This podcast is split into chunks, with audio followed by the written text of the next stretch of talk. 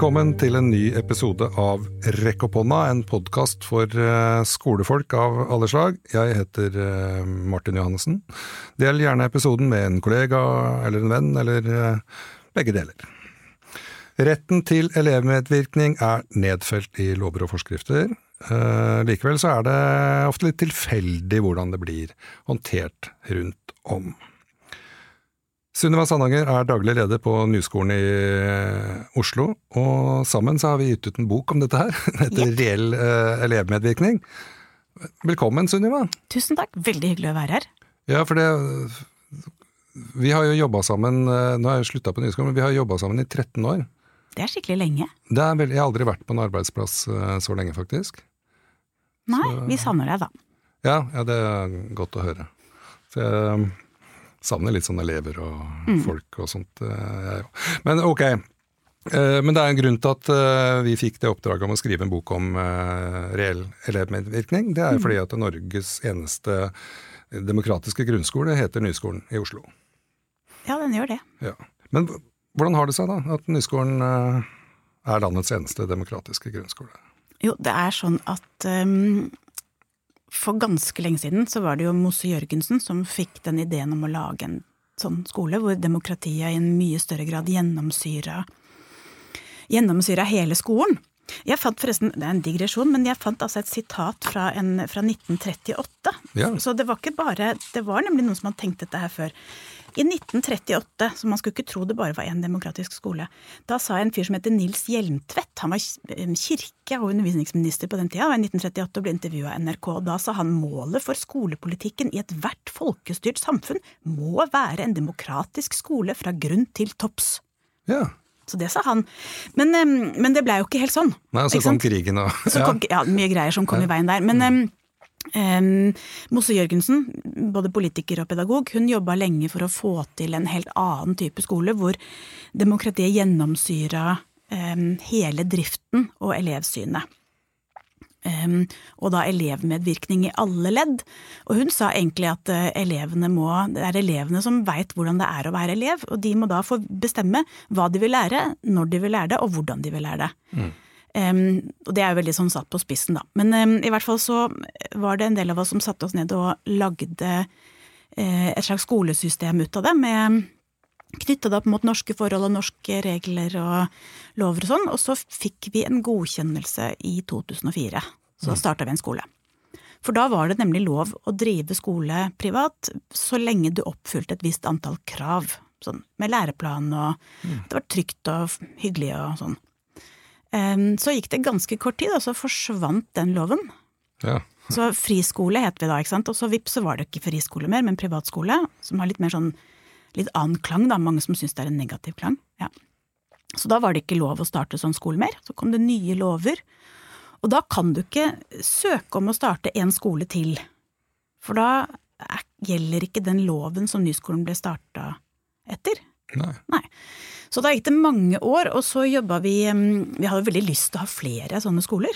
Eh, så vi har jobba for det ganske lenge, og vi har jo mange søsterskoler i andre land som syns det burde vært flere i Norge. Så for et par år siden så jobba vi for å bli en profilskole med demokrati som profil. Og har skrevet læreplan, og ble godkjent som profilskole. Mm. Og så svisj, rett etterpå så forsvant ordet profilskole fra lovverket. Mm. Så nå blir det ikke noen flere nyskoler nå heller. For man kan ikke søke om noe som ikke er i dagens regelverk, da. Nei, nemlig. Så man da blir, sitter man i en liksom pussig situasjon hvor man eh, nesten må ønske seg et regjeringsskifte for å få det til, for å få det tilbake.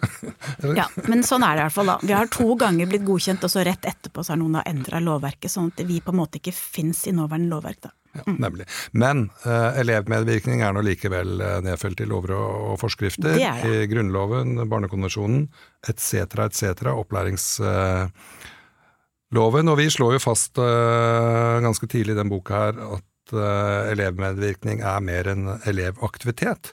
Men hva er egentlig elevmedvirkning? Elevmedvirkning er skikkelig mange ting. Um, jeg har lyst til å si aller først at det ikke er det som mange tror. For når du sier elevmedvirkning, så har det en sånn kjempefin positiv klang for de som brenner for det, og så er det en del på den andre sida som bare hæ, det blir bare kaos, fordi mm. det betyr at det skal bestemme alt sjøl. Ja. Det er det ikke, da. Vi kan rydde unna den biten der. Det betyr ikke at alle bestemmer alt sjøl. Det er ikke det samme som anarki. Elevmedvirkning handler om eh, at du får oppfylt retten til å bli hørt og sett. Oppfylt retten til å bli tatt hensyn til. At du er involvert i de prosessene som angår deg. Og det betyr jo veldig mange ting. Det betyr det fysiske skolemiljøet, det betyr det psykososiale skolemiljøet. Det betyr eh, hvordan læringa foregår. Hvordan du blir vurdert, og den dialogen som du har med de som skal hjelpe deg gjennom utdanningssystemet. Altså i hovedsak lærerne, da, men også andre voksne på skolen. Ja, nemlig. For det, det er litt sånn pussig da at man tenker at elevmedvirkning eller elevdemokrati er det samme som eh, anarki, mens voksendemokrati er det samme som demokrati. Ja. Sånn pussig begrepsforvirring der, er ikke det? Jo, jeg veit ikke helt hvordan det har oppstått. Om det er um Kanskje fordi det har vært brukt, argumentert for av folk som er langt ute på venstresida eller noe sånt, men det veit jeg egentlig ikke. Det er mer et gjett fra min side. Ja. Det er ganske viktig å skille det fra hverandre. Og det er også veldig viktig å ikke Jeg syns voksne folk skal passe seg skikkelig da, for å bruke det argumentet, men ungene veit ikke hva De kan ikke konsekvenstenkning og sånn. Mm. Og da tenker jeg hvis du ser på den voksne befolkninga, så er det jo ganske mye, mange avgjørelser som vi som enkeltmennesker tar, da, hvor du tenker at hm, der hadde verken jeg eller de andre noe særlig god konsekvenstenkning, dette har vi ikke peiling på, og vi gjør en hel masse ting. Tar masse valg, da, som ja. ikke alltid er gjennomtenkte. Det, det, er ikke sånn at alle mennesker er eh, supergode på det. Nei, og derfor har vi jo ja. et skolesystem. Da, Nemlig, da har vi et system, akkurat som vi har et system for veldig mange andre ting i samfunnet vårt. Vi ja. kan fortsatt ha demokrati, selv om folk gjør dumme valg, tenker jeg. Ja, ja. Det syns jeg vi absolutt skal. Nå er jo demokratiet står litt sånn på fall sånn på verdensbasis. Det blir mm. færre og færre land. Under halvparten er nå demokratisk. Eh, i verden. Så det er jo desto viktigere å jobbe med dette her. Og nylig så kom det jo også en rapport eh, fra KS i samarbeid med Elevorganisasjonen. Som eh, handler om elevmedvirkning. Og de, de bruker en definisjon på elevmedvirkning som er fin. Skal jeg lese den? Det er å få mulighet til, erfaring med og forståelse for hva det vil si å påvirke og å ta medansvar for egne og fellesskapets læringsprosesser og demokratideltagelse. Altså mulighet, erfaring, forståelse, påvirke, medansvar, fellesskap. Dette er jo honnørord. Det høres kjempefint ut, syns jeg. Veldig bra oppsummert, egentlig. Nemlig. Men ja, ikke sant. Og det, det, jeg blir glad, glad, for det. Nå foreligger en veldig god bok om reell elevmedvirkning. Men så hvis man får dette her inn som tema fra flere kanter, så tror jeg vi er på vei til noe veldig positivt uh, for elevene. Men jeg har jo hatt med chat-roboten ChatGPT uh, ja. i episodene. Jeg syns det er et ekstremt morsomt uh, leketøy. Eh, kanskje fordi jeg ikke driver og jobber på en skole akkurat nå, men som jeg har forstått det, så har jo ikke de tilgang på skolen heller, for det er. GDPR. Ja, det er, det er, det ene, men det andre er at den er jo bare sånn passe brukelig. Foreløpig er det ikke sånn kjempeproblem, opplever jeg. Nei, ikke sant, men så har man jo disse historiene da om eh, at den leverer gode svar og helt eh, håpløse svar. Men jeg spurte den om eh, hvorfor elevmedvirkning er positivt. Ja, Vil du høre på det? Det vil jeg veldig gjerne høre. Ja. ChatGPT skriver elevmedvirkning bidrar til å øke læringseffekten. Når elever får mulighet til å uttrykke sine egne meninger og delta i diskusjoner om læringsprosessen, kan dette føre til at de lærer mer effektivt og husker stoffet lenger. Ja, hvor fant den det henne? Det er veldig Ja, jeg er ganske enig med Botten. Ja, jeg er også enig. Jeg syns det er det er som eh, Jeg har laga blogginnlegg som jeg bare har brukt den, om vurderingskompetanse. Han sa ikke et ord feil. Litt tørt og kjedelig, var det. Men det var ikke noe feil. Mm. Men jeg syns dette er oppsummert. Men han skriver litt til. Ifølge opplæringsloven har elever rett til å delta i arbeidet med å utforme skolens planer og å følge opp disse planene, at disse planene blir fulgt. Dette innebærer at elever skal få mulighet til å gi sine synspunkter og komme med innspill i planleggingsprosessen, og at skolen skal legge til rette for at elever får delta på en meningsfull måte. Mm. Jeg er fortsatt enig, jeg. Ja. Jeg syns nesten det er litt sånn progressivt og bra. Ja. Den, Revolusjonær bot, faktisk. Ja, det syns jeg i akkurat uh, Det er for det er det det handler om, egentlig med elevmedvirkning, at de skal være med på alt som har med elevene å gjøre. Mm -hmm. Og skolen de går på har alt med elevene å gjøre. Jeg tenker at det handler i veldig stor grad om at du er i konstant dialog, alle som er aktører i skolen. ikke sant? Det er lærerne, det er jo masse andre som arbeider i skolen òg, som, som, har noe de skulle ha sagt. Men elevene er nå de som skolen er til for, da. Mm. Og da tenker jeg at det er, jo, det er, jo, dem vi må snakke med om hvordan det er å lære. Og um, nå sa han et eller annet om at man kan lære å ta mer ansvar, eller bli ansvarsfull. Det var jo også den derre opp, oppsummeringa. Og det å bli ansvarsfull, det er kjempeviktig. Men det overordna ansvaret for at alt dette skjer, det ligger hos oss som jobber i skolen, ikke sant. Det er jo noe med det å være voksen versus barn. At um, de skal lære Hør på forskjellen. De skal lære å ta ansvar, og vi har ansvar for at det skjer. Mm. Um, så det betyr at vi kan ikke si at de er ikke ansvarlige nok. Ikke det er kjempeviktig forskjell. Det er ikke et argument mot, fordi de skal øve sånn at de blir ansvarlige. Mm. Det er jo et av hovedmandatene. liksom handler om det der med å bli gode medborgere da, på, på lang sikt. Ja, nemlig. Mm. Eh, på Nyskolen i Oslo så har elevmedvirkning og skoledemokrati vært en uh, selvsagt uh, ingrediens siden 2004. Mm -hmm. Det viser seg på litt ulike måter, blant annet saksmøte. Kan ikke du fortelle deg hva et saksmøte er? Saksmøte er et allmøte, og der er det sånn at alle som har Jeg tror formuleringa er sånn at alle som har fast tilhold på Nyskolen, de har eh, møte, tale og stemmerett. Eh, så det betyr alle voksne og alle barn. Mm. Og det er eh, et allmøte der vi følger en bestemt struktur, og så tar vi opp ting som vi lurer på eller har lyst til å endre på, eller noe sånt, og så stemmer vi over ting. Mm.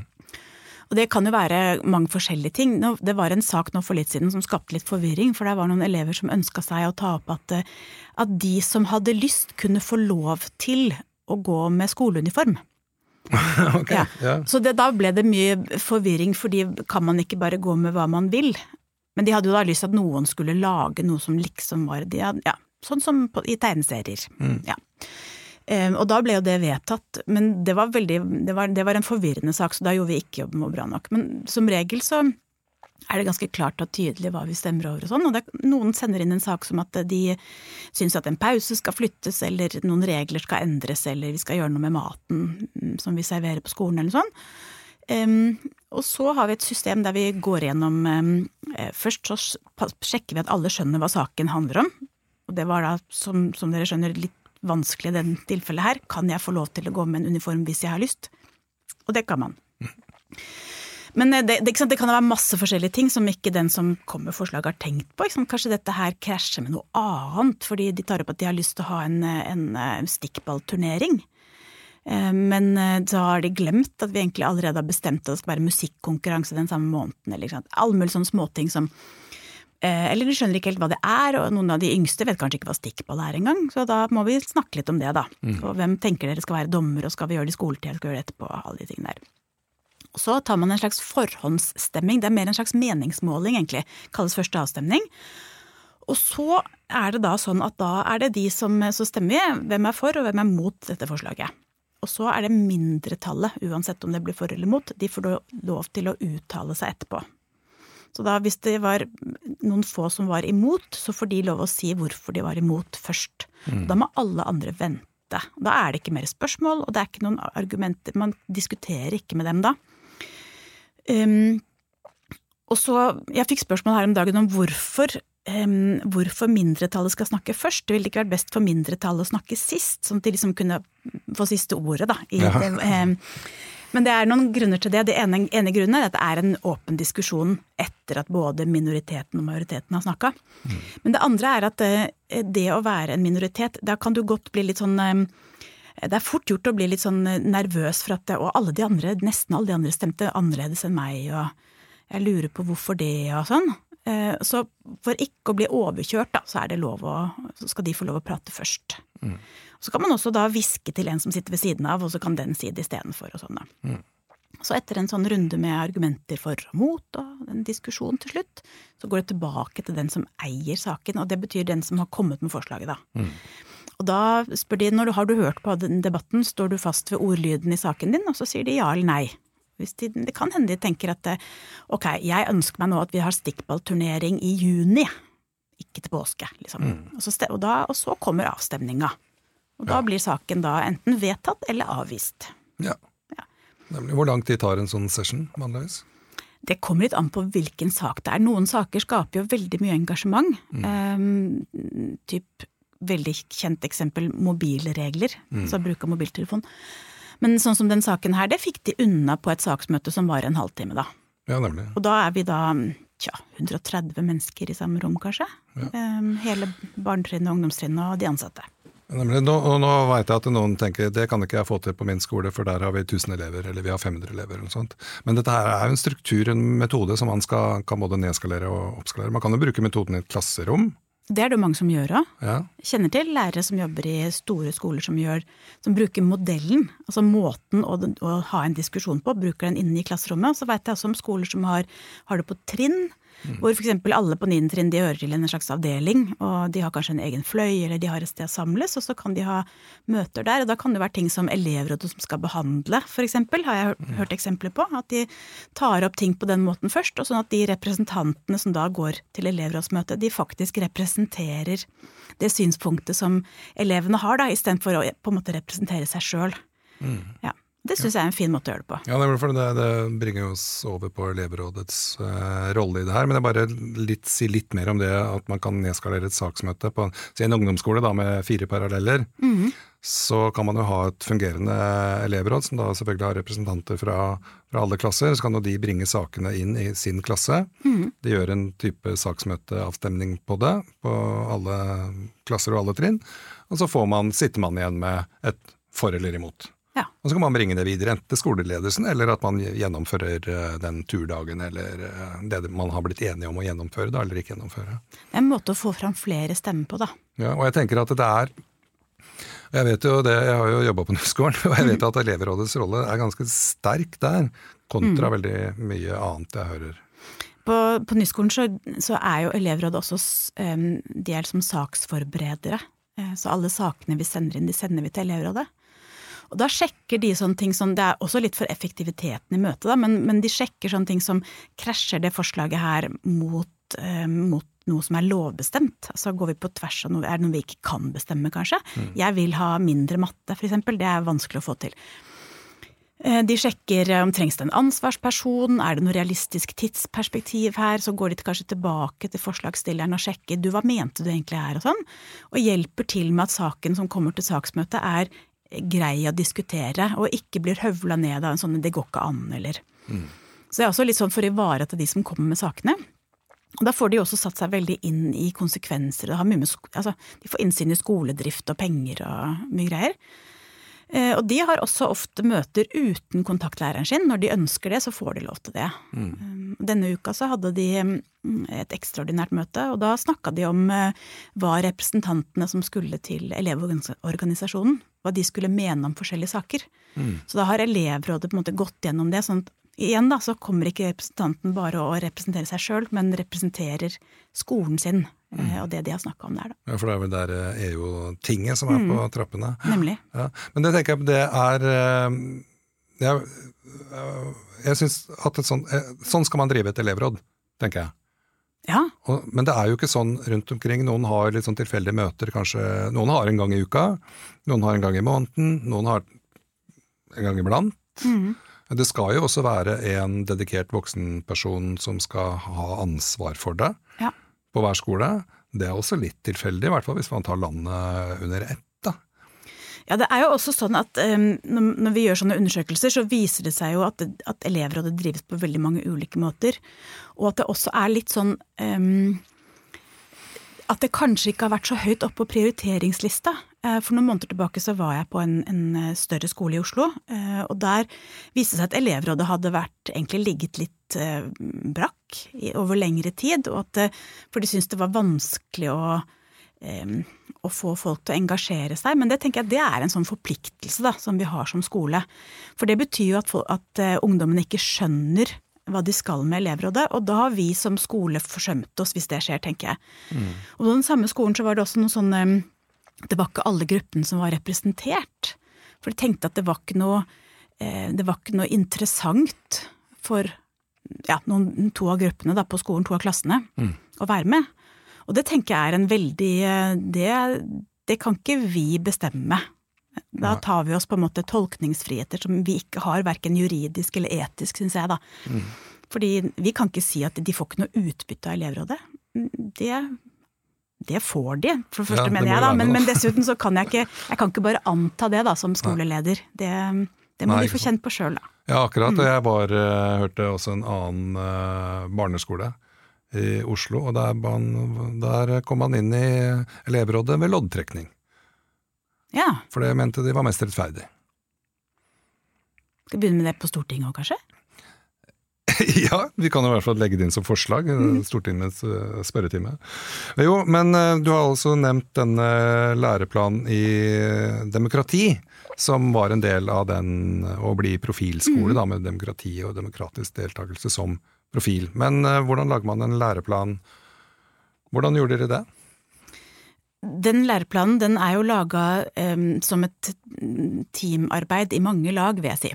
Vi har snakka med elever, vi har snakka med foreldre, eh, også noe med skolestyret vårt, som er ganske lite, eh, og utarbeida det i lærerkollegiet og hatt eh, forskjellige typer prosesser da, med både å lese ting, lese og lese litteratur, lese forskning, diskutere begrepsavklaringer, sånn, så det er en ganske svær prosess, egentlig. Og så samle, oppsummere og drøfte og komme fram til formuleringer som både er klare nok, sånn at det kan føles som noe man Altså at det ikke er ulne mål i læreplanen, da. Det må være et, et mål som, hvor lærerne skjønner hva det er de skal um, sørge for at elevene får oppleve og lære seg. Og som, og som strekker seg lenger enn det som står i overordna del, da. Ja. Så vi har jobba med å få en sånn eh, en gradvis eh, opplæring i eh, hvordan man praktiserer demokrati. Fra du kommer på skolen den første skoledagen til du går ut av tiende klasse, hvor du da er i stand til å organisere og på en forsvarlig og god måte forvalte demokratiske møter, da. Ja. Var det, tok det lang tid? Ja. Hvor lang tid? Eh, Jeg tror vi brukte et skoleår på den prosessen. Var det så lenge? Ja, var det det? I hvert fall så vi, Den var ikke ferdig før i Nei, unnskyld. Vi brukte kanskje åtte måneder, da. Ja. Ja, men det er jo et skoleår, det. Ja, men, eh, men, eh, men, sånn, men det er jo noe med at eh, når du skriver noe, og så skal det modnes litt, og så Mm. skal det ut, og så skal man forklare hva man har ment, og så man blir enige om begreper, og så skal det høres av foreldre, og det skal høres på allmøter, og du skal forklare det for de yngste elevene hva man mener, og Så skal det jo være i samme språkdrakt som eh, læreplanen ellers. det betyr eksempel at eh, noen av punktene må skrives på nynorsk. Samfunnsfag, for Ja, samfunnsfag. Som det sikkert er mange kompetansemål i demokrati. Ja. Ja, nemlig. Men uansett så er jo det, det Nå ligger jo den der, tenker jeg. Om Mm. eh, man har lov til å være profilskole eller ikke, er- blir litt sånn irrelevant. Den læreplanen er jo tilgjengelig på nettsiden til Nyskolen. og Folk kan ringe deg. Ja, ja. Dette er noe de kan bruke Dette i demokratiet? bare, det er jo bare å låne i vei, tenker jeg. Ja, Mm. Eller til og med stjele litt. Stjele, ja de kan få da, de slipper å stjele. Ja ja, det er noe bra. I hvert fall det ligger der. Det er jo en grundig plan. Godkjent av UDIR og alt mulig. Det er den. Så den, den er god. Um, trenger vi et masterprogram i elevmedvirkning? På, Ja. Har du lyst til å lage det? Ja. ok, hva, hva skulle den øh, inneholdt, tenker du? Sånn, Jeg tenker at det er, og det er så mye egentlig, kan vi, kan vi utvide til doktorgrad? vi kan jo det, men hvis Ja. man tenker at man begynner, begynner med masteren, master, Vi begynner med masteren. Nei, jeg tenker jo at um, at det må handle om sam, altså det må, Vi må få inn den sammenhengen mellom hva de demokratiske verdiene og den demokratiske praksisen. Ikke sant? Um, fordi teori om demokrati er ganske lett å få til, og det er mye tilgjengelig. Det som er vanskelig, eh, det er å vite hvordan det omsettes i praksis.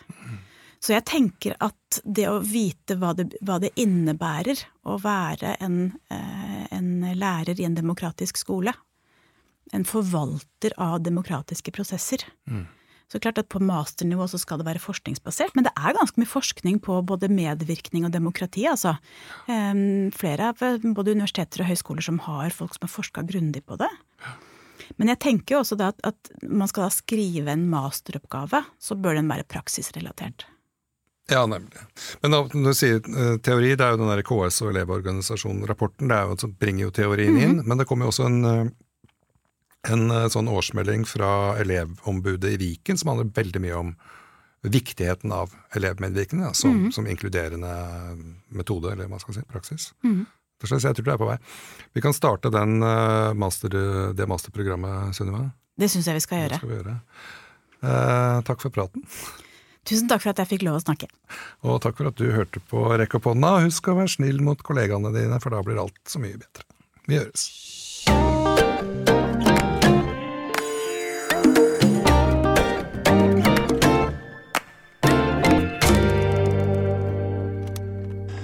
Produsert av